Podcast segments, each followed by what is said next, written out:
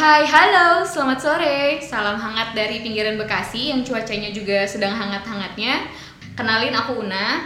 Sekarang dan mungkin akan seterusnya, telinga-telinga kalian akan ditemani sama suara cewek Medan. Selamat datang dan selamat mendengarkan Popcorn Podcast of Rego Pantes.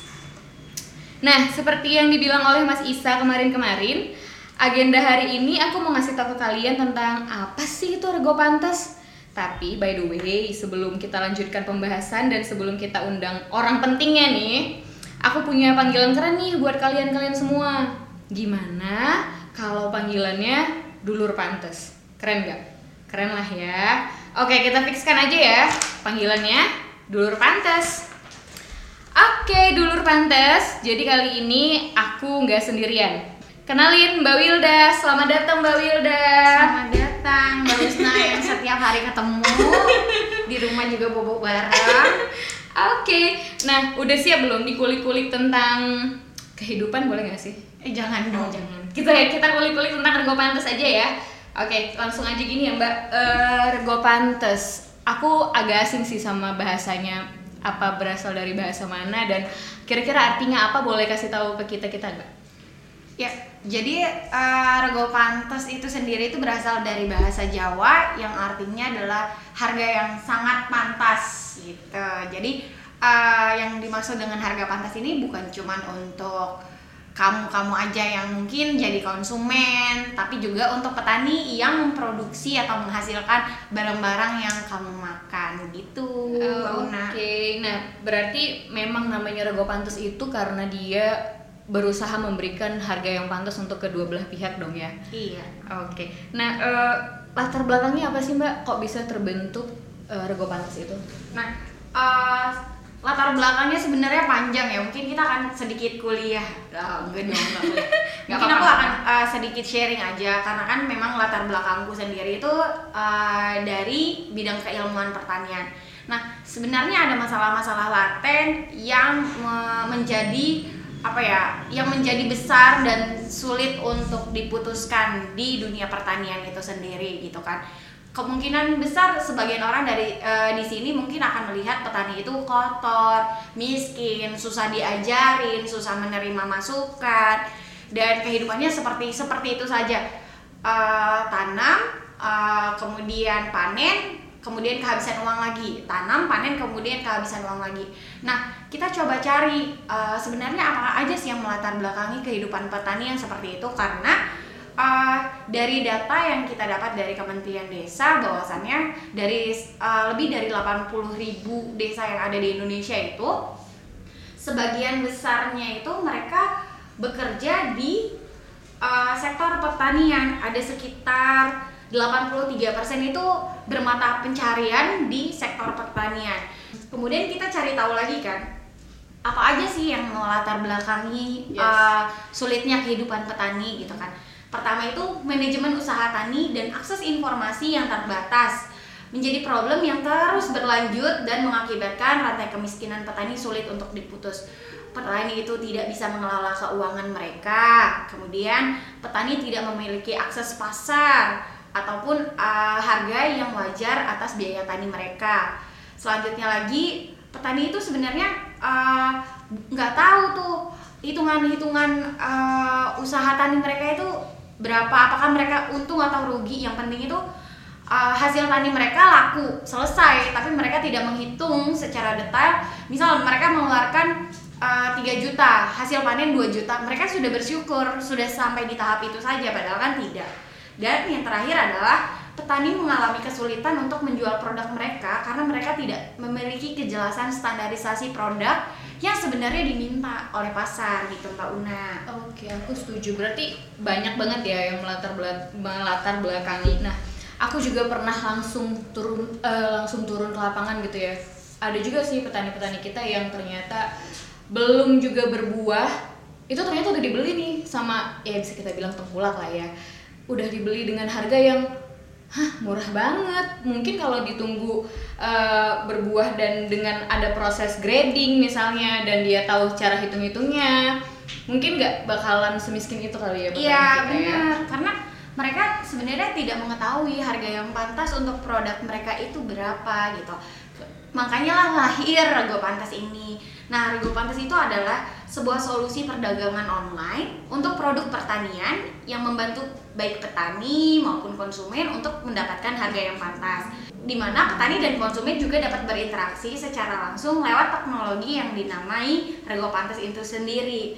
Harga pantas di sini yang dimaksud itu bukan cuma untuk petani tapi juga untuk konsumen di mana sebenarnya coba deh Mbak Una tahu nggak sih uh, kalau makan sayur atau masak atau makan buah gitu. Siapa sih yang menanam terus prosesnya seperti apa? Nggak tahu belinya di pasar aja gitu. Nah sebenarnya itu kan haknya mbak Una karena mbak Una mengkonsumsi itu apakah itu sehat menggunakan pestisida atau tidak siapa yang menanam kemudian uh, sebenarnya memproduksi itu mendapatkan harga yang layak nggak sih gitu.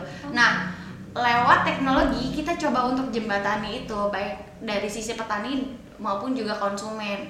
Ironisnya itu adalah sebenarnya kan orang-orang yang membutuhkan makanan sehat itu orang-orang yang uh, semua orang sih itu adalah hak semua orang menurut saya kemudian tapi yang bisa mendapatkan makanan sehat dan traceable itu hanya orang-orang yang penghasilannya uh, menengah ke atas. Aku setuju kalau yang benar kan. Yes. Nah kita coba untuk jembatani di mana uh, baik itu siapa pun di Indonesia, mereka berhak untuk mengetahui informasi produk mereka dan mendapatkan barang yang memang kualitasnya layak dan bagus, baik untuk dikonsumsi seperti itu, Mbak. Wow, seru ya ternyata latar belakangnya Rego Pantes ini. Nah, uh, Rego Pantes sendiri itu terbentuknya kapan sih, Mbak? Kalau kita uh, untuk Rego Pantes sendiri itu pertama kali launching dan melakukan pengiriman ke konsumen itu pertamanya itu Jakarta, hmm. belum Jabodetabek, masih Jakarta aja itu di bulan Oktober tahun 2017. Kemudian uh, dari situ kita terus berkembang, berkembang dan berkembang dan uh, melebarkan sayap bukan hanya ya konsumen tapi juga uh, apa komunitas petaninya. Gitu. Wow, gitu. keren. Nah, untuk uh, visi misi Pantas itu lebih ke mensejahterakan petani kah atau ke konsumen juga atau gimana tuh Mbak Wil? kita coba uh, mengakurasi antara dua sisi itu sih Mbak Una karena uh, sebenarnya kita juga nggak bisa sih campaign yang petani itu kasihan petani itu kasihan layak dibantu karena dengan adanya teknologi itu adalah salah satu gerbang di mana petani itu bisa bisa apa ya bisa meningkatkan taraf hidupnya berlari dan berlomba dengan masyarakat masyarakat yang ada entah itu di desa maupun di kota sendiri. Nah kemudian kalau untuk dari konsumennya kita juga mencoba untuk mengedukasi mereka tidak hanya membutuhkan makanan yang sehat tapi juga dengan mereka membeli langsung dengan petani dari petani mereka itu dapat membantu. Seperti jargonnya Rego Pantes membeli itu membantu. Oh iya benar sekali sesuai ya jadinya jargonnya sama visi misinya ya oke nah uh, jadi kalau untuk cara kerjanya Rego Pantes itu gimana Mbak Wil? Kalau aku kan biasanya beli sayur sama buah ya udah pergi aja gitu ke supermarket atau pergi aja gitu ke pedagang di pasar terus pakai acara nawar lagi gitu kan iya. nih harganya sekilo berapa dulu kemahalan gitu kan Rego Pantes tuh kerjanya gimana sih Mbak Wil? Kalau untuk dari sisi konsumen itu uh, kita sediakan teknologi uh, ada basisnya website ada juga Android uh, aplikasi dan juga di teman-teman yang punya iOS itu juga bisa download. Nama aplikasinya Rego Pantes. Nah dari situ teman-teman bisa langsung lihat dan pilih tanggal kirimnya. Kemudian petaninya siapa produknya apa harganya berapa itu udah semua termasuk ongkos kirim gitu kan all around Jabodetabek. Dan uniknya lagi nih kita itu di situ kasih tahu berapa sih social impact yang kita kasih atau kita berikan ke petani ketika kita berbelanja lewat platform itu gitu. Wow, jadi aku bisa tahu lah ya kalau misalnya aku beli uh, apa ya mangga, aku beli dengan harga sekian, berarti aku bisa tahu kalau aku berpengaruh ternyata ya sama si petani itu. Benar. Uh, efek-efek itu sih yang kita coba untuk uh, apa ya selalu sebarkan gitu, semangat itu yang selalu kita sebarkan. Bukan bukan membeli karena dasar harganya itu murah atau gratis ongkirnya tapi ketika kita, uh, konsumen beli itu mereka itu dengan langsung bukan tidak langsung sudah membantu petani-petani yang menanamnya senang juga kan makan uh, makan hasil apa ya makan hasil petani yang kita tahu uh, ternyata dengan kita membeli kita itu membantu loh gitu. Tapi kan nggak uh, semua orang gitu ya mbak Wilda ngeh untuk membantu petani. Nggak usah jauh-jauh deh membantu petani. Ngebantu tetangga aja kita kadang males. Ngebantu tetangga kejauhan. Ngebantu emak aja juga kadang males ya. Nah itu salah satu sih. ya kan? Nah salah satu masalah rego pantas juga nggak sih kalau untuk penjualan? Karena kan orang-orang juga pengen yang ya ya udah aja nggak sih beli di beli di pasar juga bisa gitu kan. Nah selain itu ada nggak sih mbak masalah-masalah yang dihadapi rego pantes terus penyelesaiannya kayak gimana gitu? Tentunya di edukasi kan kalau uh, kita bisnis itu kan pasti ada operational cost ya kan. Yes. semakin sedikit barang yang dikirim itu biayanya semakin besar. Berarti uh, itu menandakan bahwasannya volumenya harus ditingkatkan ditingkatkan dan ditingkatkan. Nah pertama yang menjadi concern kami adalah edukasi. Nah, kita juga sampai dengan saat ini sedang meramu-ramu gitu. Uh, edukasi ke konsumen yang seperti apa sih yang paling tepat tanpa harus membandingkan harga gitu kan. Okay. Nah, selain itu kita juga terus tingkatkan kualitas. Itu juga ke grade yang selalu terbaik sesuai dengan uh, harga dan yang diminta oleh konsumen Selain itu, kita juga merambah ke bisnis-bisnis yang membutuhkan uh, barang-barang fresh seperti restoran, rumah makan, catering, gitu-gitu sih Mbak Una. Dan kalau bisnis berarti harga pantas juga? Iya dong. Wow, keren. Tetap harga pantas, kita bersaing lah. Iya, iya, iya. Nah, uh, berarti petani juga diajarin tentang grade ya? Iya. Nah, apa yang membedakan kita dengan platform lain adalah satu, kita edukasi petani. Uh, kita selalu bilang kalau uh, grade A dengan di packing akan misal nih dinilai dihargai 30.000 oleh konsumen. Tapi kalau ketika Bapak tidak grading uh, itu barang, itu produk satu apa? Satu karung cuma 30.000, Bapak lebih pilih yang mana? Nah, hal-hal seperti itu yang selalu kita tanamkan ke petani. Terus uh, kita juga ajarin bagaimana caranya mereka bisa memberdayakan kelompok-kelompoknya. Kemudian uh, bahkan ada petani-petani kita itu yang sekarang uh, awalnya itu mereka penghasilannya sedikit lah, maksudnya dari rego pantas itu hanya sekian persen lah, nggak nyampe 20 persen penghasilan yang uh, mereka dapat berdasarkan hasil transaksi dengan rego pantas. Kemudian lambat laun, lambat laun dan lambat laun akhirnya mereka bisa meningkatkan pendapatan pribadi, pendapatan kelompok, dan petani-petani kita itu bisa membangun apa ya uh, sarana prasarananya mereka sendiri gitu kan. Jadi nilai-nilai apa kemandirian petani itu sih mbak yang membedakan kita dengan platform-platform lain di mana even itu nggak sama Rego Pantas atau sudah tidak bergabung di Rego Pantas, mereka tetap akan men, apa uh, memakai ilmu tersebut, memakai semangat tersebut gitu sih Mbak Una. Itu yang akan bertahan lama daripada kita kasih gudang ke mereka atau kita kasih mobil ke mereka. Belum tentu mereka akan selalu sama kita kan. Ya, setuju Gitu kan. Jadi uh, yang selalu kita tanamkan ke petani adalah kalau kalian mau maju, ya kalian yang harus berusaha gitu. Nah kalau dari sisi konsumen kan katanya eh, kalau dari sisi konsumen sendiri kan pasti susah untuk mau membantu gitu kan. Edukasinya lumayan susah. Kalau untuk tim Rego Pantes mengedukasi petani awal masuk ke petani susah juga nggak sih mbak Aduh, susah banget. Apalagi kan nah itu tadi perbaikan-perbaikan. Thanks to teman-teman developer thanks to teman-teman uh, lapangan thanks to teman-teman marketing. Itu saya tahu betapa sulitnya untuk berkomunikasi dengan petani gitu kan.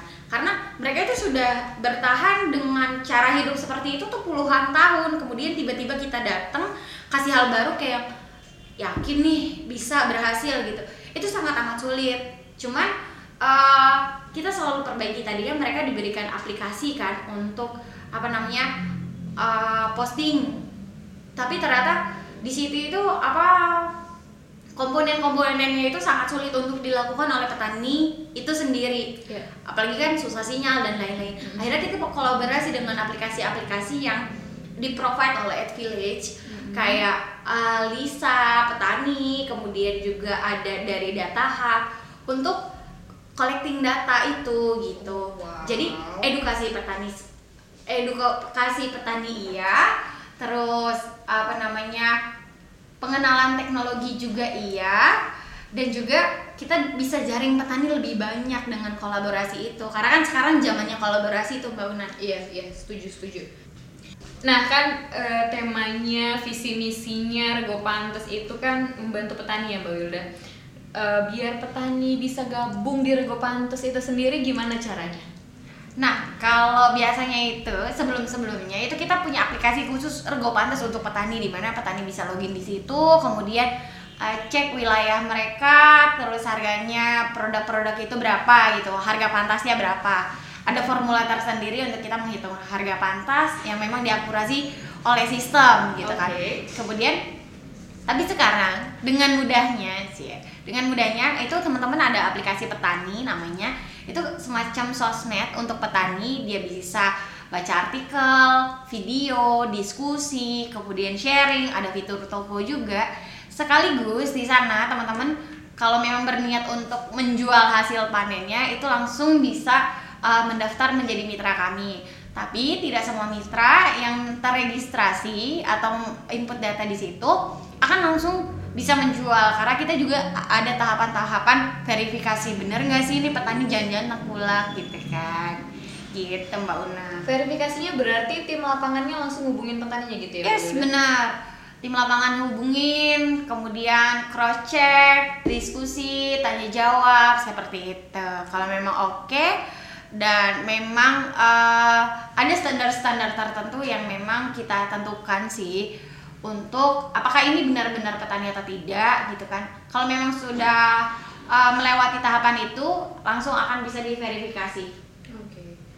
Nah, tantangan lain ada nggak sih Mbak Wilda kira-kira yang dihadapi sama Rego Pantes? tantangan lain adalah tantangan lain adalah kalau zaman sekarang itu canggih-canggihan teknologi Iya, gitu kan. Canggih-canggihan fitur. Tantangan lain yang harus Tergo Pantes hadapi adalah bagaimana caranya kita menghadirkan sebuah teknologi uh, yang memang apa ya yang memang bisa memprovide itu semua dalam catatan canggih gitu kan. Ya. tapi itu dengan mudah bisa diakses oleh semua petani di seluruh Indonesia gitu kan. Kan ada tuh petani-petani yang ada di uh, remote area mereka tidak ada sinyal kemudian atau mereka tidak ada uh, Android apa device atau iOS device gitu kan gimana caranya mereka tetap terangkul sama kita itu sih mbak yang masih kita uh, saya coba pikirkan bagaimana caranya kita bisa menghadirkan teknologi terbaik dan mudah untuk digunakan oleh petani itu sendiri gitu. Kalau untuk petaninya berarti udah bisa aku bilang dari Sabang sampai Merauke atau ada petani yang di mana gitu?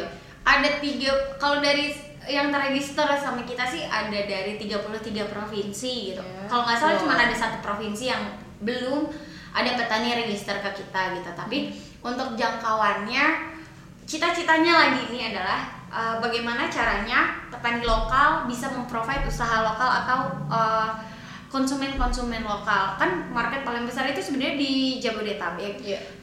Uh, petani-petani daerah itu berlomba untuk mengirimkan produknya ke Jabodetabek. Tapi sayangnya itu ke- dikembalikan lagi ke mana? Ke daerah mereka dengan harga yang lebih mahal. Sudah rantainya sepanjang itu gitu kan. Nah, kita coba uh, untuk buat formulasi di mana petani lokal bisa menyediakan produk-produk yang dibutuhkan oleh konsumen maupun industri-industri lokal. Kalau kayak gitu kan kita bisa pertama kita bisa ikut membantu pemerintah untuk menekan inflasi daerah. Iya. Kedua eh, kesegaran produk juga terjamin kan kalau seperti itu karena kan eh, hand to hand gitu.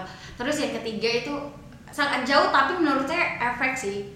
Kita ikut kurangin emisi karbon itu kan kayak nggak kepikiran kan Iya selama sih, ini kayak nggak kepikiran. gimana cok caranya dapat untung besar untung besar untung besar untung besar gitu tapi ternyata dengan memper mempersempit apa ya mempersempit gap layer antara si produsen dengan konsumen itu kita juga bisa uh, sumbangsi untuk apa ya um, me- menurunkan lah emisi karbon coba bayangin berapa truk itu ke berapa ribu truk ke Jakarta untuk over barang gitu kan terus balik lagi ke daerah mereka balik lagi ke konsumen mereka itu kan sangat amat panjang rantainya Iya setuju setuju. Nah, eh, Rego Pantes itu udah sekeren ini sih ya Mbak. Udah bisa ngebantu petani, udah bisa ngebantu konsumen, sudah bisa kalau bisa aku bilang berarti menjembatani antara kedua belah pihak lah ya. Nah, kira-kira eh, achievement apa yang sudah didapat oleh Rego Pantes itu sendiri gitu? apa ya kalau achievement bingung deh kita achievement kita eh, yang paling sering saya highlight ketika ditanya achievement Rego Pantes adalah kita sudah berhasil meningkatkan 22 kali pendapatan petani dari semenjak bergabung ke Rego Pantes di awal sampai dengan sekarang gitu jadi kayak yang tadi ya dapat 17.000 jadi 17.000 kali 22 nya Gile, kepikiran gak sih dulur pantes yang begini-begini? nah, eh, tadi sempat udah kita bahas bedanya Rego Pantes kalau bisa kita bilang dengan startup lain lah ya. Salah satunya adalah dengan mengedukasi petani dan langsung menjembatani eh, petani dengan konsumen. Nah, eh, Rego Pantes itu punya berapa tim sih Mbak? Apa aja sih kalau boleh tahu ya kan? Kalau timnya itu sebenarnya tim intinya dua, ada teman-teman market eh sorry, ada teman-teman developer, kemudian ada teman-teman bisnis yang ngurusin operasional gitu. Terus di samping itu kita dibantu nih sama teman-teman marketing, sama teman-teman support kayak finance, HR dan lain-lain gitu. In total sih kalau inti tim aja kita ada sekitar 15-an orang sih, Mbak. lima belasan membantu Iya. petani Sabang sampai Merauke. Terus umurnya nggak ada yang di uh, ad- ad- cuman ada dua yang di atas 30 tahun. cuman ada dua yang di atas 30 Dan- tahun. Amaze-nya lagi tuh adalah kebanyakan dari mereka itu bahkan bukan background pertanian itu sih kayak bahkan yang sarjana pertanian itu cuman tiga orang di tim saya. Itu seperberapanya dari 15 orang kan? Jadi kayak yang wah saya appreciate banget sih untuk teman-teman yang memang backgroundnya bukan pertanian tapi ikut membantu uh, Iya. melalui pekerjaannya waktu tenaga dan pikirannya itu kerja pantas mau nggak mau banget sih iya, saya mau nggak mau belajar tentang pertanian. pertanian tadinya saya IT mbak terus saya baru tahu nih cabai ada namanya ini ada enaknya ini gitu Iya, kan mau nggak mau ya. Bahkan saya anak pertaniannya baru tahu nama cabai ada banyak banget ya. Domba, domba hijau, domba merah, domba orange merah, domba orange itu tuh banyak banget. By the way, saya sarjana pertanian juga nggak tahu cabai domba yang gimana. Itu ya kan. Nah, Kita harus belajar sama expert. Iya. Nah, eh, pasti punya eh, keinginan lah ya. Ke depannya Rego Pantes itu mau dibawa kayak gimana sih Mbak Wilda? Uh, yang pastinya semakin banyak petani yang uh, terkena manfaat yang semakin besar dan juga semakin banyak konsumen yang juga mendapatkan banyak manfaat kita. Oke. Eh, kalau boleh tahu nih Mbak Wilda, di mata Mbak Wilda itu pertanian Indonesia 10 tahun ke depan itu bakalan menjanjikan atau Wah kalau orang-orang yang kayak Mbak Una, kayak developer saya, kayak teman operasional saya, kayak tim-tim support yang ada di Rego Pantas sih, pertanian pasti akan maju Mbak. Siapa sih yang nggak butuh makan udah deh gitu. Iya. Kalau kalau nggak ada orang yang mau perhatiin eh, pertanian tuh kita mau makan apa? tapi ya Mbak Wilda, aku tuh orang Medan asli gitu kan. Kadang-kadang tuh suka kesel gitu, kenapa sih Rego Pantes ini nggak mau buka aja gitu di Medan gitu kan eh, untuk pengiriman Medan, pengirimannya mungkin 2-3 tahun lagi udah bisa kali ya Mbak Wilda pengirimannya Amin. se Indonesia Karena gitu ya. kenapa ada daerah-daerah yang bahkan pasar konsumen kita itu baru Jabodetabek kalau untuk resto sih untuk eh, insya Allahnya sih all around Indonesia ya tapi kalau untuk konsumen itu kenapa kita Jabodetabek itu karena market yang sadar akan kual- apa namanya eh, kualitas harga pantas kemudian membantu dan menggunakan teknologi untuk berbelanja gitu kan apalagi belanjanya sayuran itu paling besar sih masih di Jabodetabek Nah, dulur pantes, kalau kalian mau banyak yang udah ngeh tentang pentingnya hidup sehat, harusnya nih bisa ngebantu Rego Pantes biar ada pengiriman ke daerah-daerah lain ya Mbak? Benar dan itu dari petani yang mereka sendiri gitu. Nah, makin makin mantep dah tuh ya kan. Nah, eh, nggak bohong ya Mbak Wilda kan gini ya. Nggak cuma satu platform nih, nggak cuma satu Rego Pantes sih ini yang ngejual eh, hasil pertanian langsung gitu kan. Pasti ada tetangga-tetangga tetangga lain gitu. Nggak ya, iya, nggak nggak takut. Maksudnya nggak takut. Aduh nanti laku nggak ya jualan gue? Tidak takut karena ka- karena ada nilai-nilai yang kita bawa uh, orang lain bisa men- uh, mereplikat apa yang kita lakukan dan bisnis yang kita lakukan tapi mereka tidak bisa mereplikat nilai-nilai yang uh, kita tentukan dari awal. Ingat ya itu. Nah, terima kasih ya Mbak Wilda sudah meluangkan waktunya untuk ngobrol dan Sama-sama sharing Cik Una. di sini tentang Rego Pantes. Semoga harapannya Mbak Wilda untuk kemajuan Rego Pantes dan pertanian di Harapan Indonesia tim saya sih ini Mbak. harapan tim ya harapan tim Rego Pantes dan semakin banyak gitu ya pemuda-pemuda di luar sana yang tertarik untuk mengembangkan pertanian. Amin ya rabbal alamin. Kalau untuk konsumennya semakin sadar ya kalau hidup- Jangan marah-marah dong sadar. Iya, makin sadar ya kalian itu kalau hidup sehat itu juga penting, ngebantu petani juga penting, ya kan?